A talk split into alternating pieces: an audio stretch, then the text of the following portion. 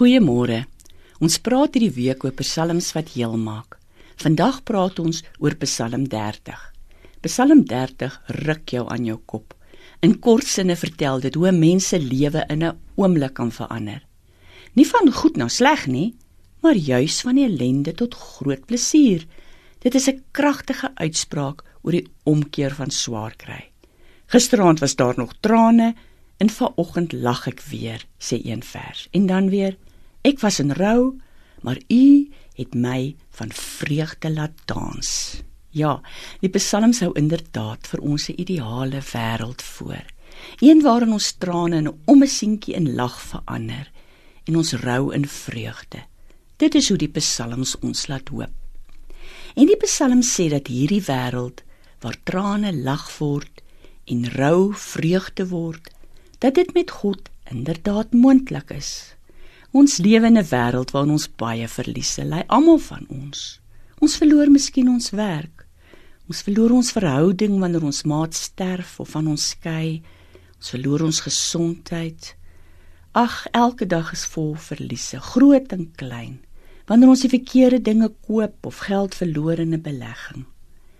Wat mense gewoonlik doen, is dat hulle nie getroos wil word na so 'n verlies nie, behalwe as die verlies presies herstel word soos dit was.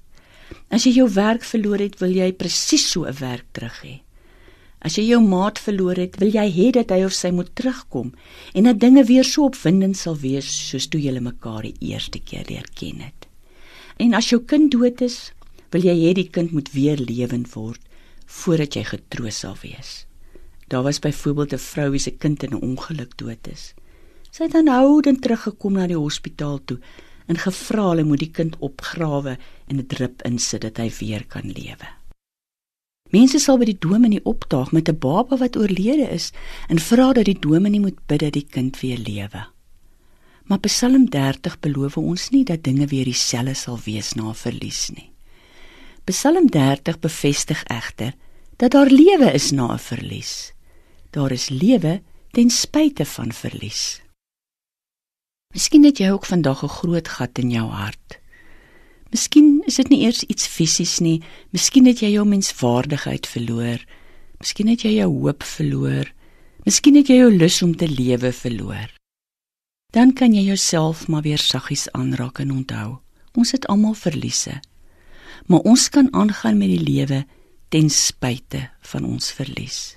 Die psalmis verseker ons en hy het baie lewenservaring en hy stap 'n pad saam met God. Hy verseker ons dit dat daar lewe is ten spyte van verlies. Kom ons bid. Here, vandag het ons weer nodig om aan die lewe herinner te word. Ons lewe is vol dood om ons in ons voor ons agter ons. Ons vra U om daardie doodsheid weg te vat. Om ons weer te herinner dat die lewe daar is vir ons om te geniet. Die doodsheid is kort, die lewe is ewig. Amen.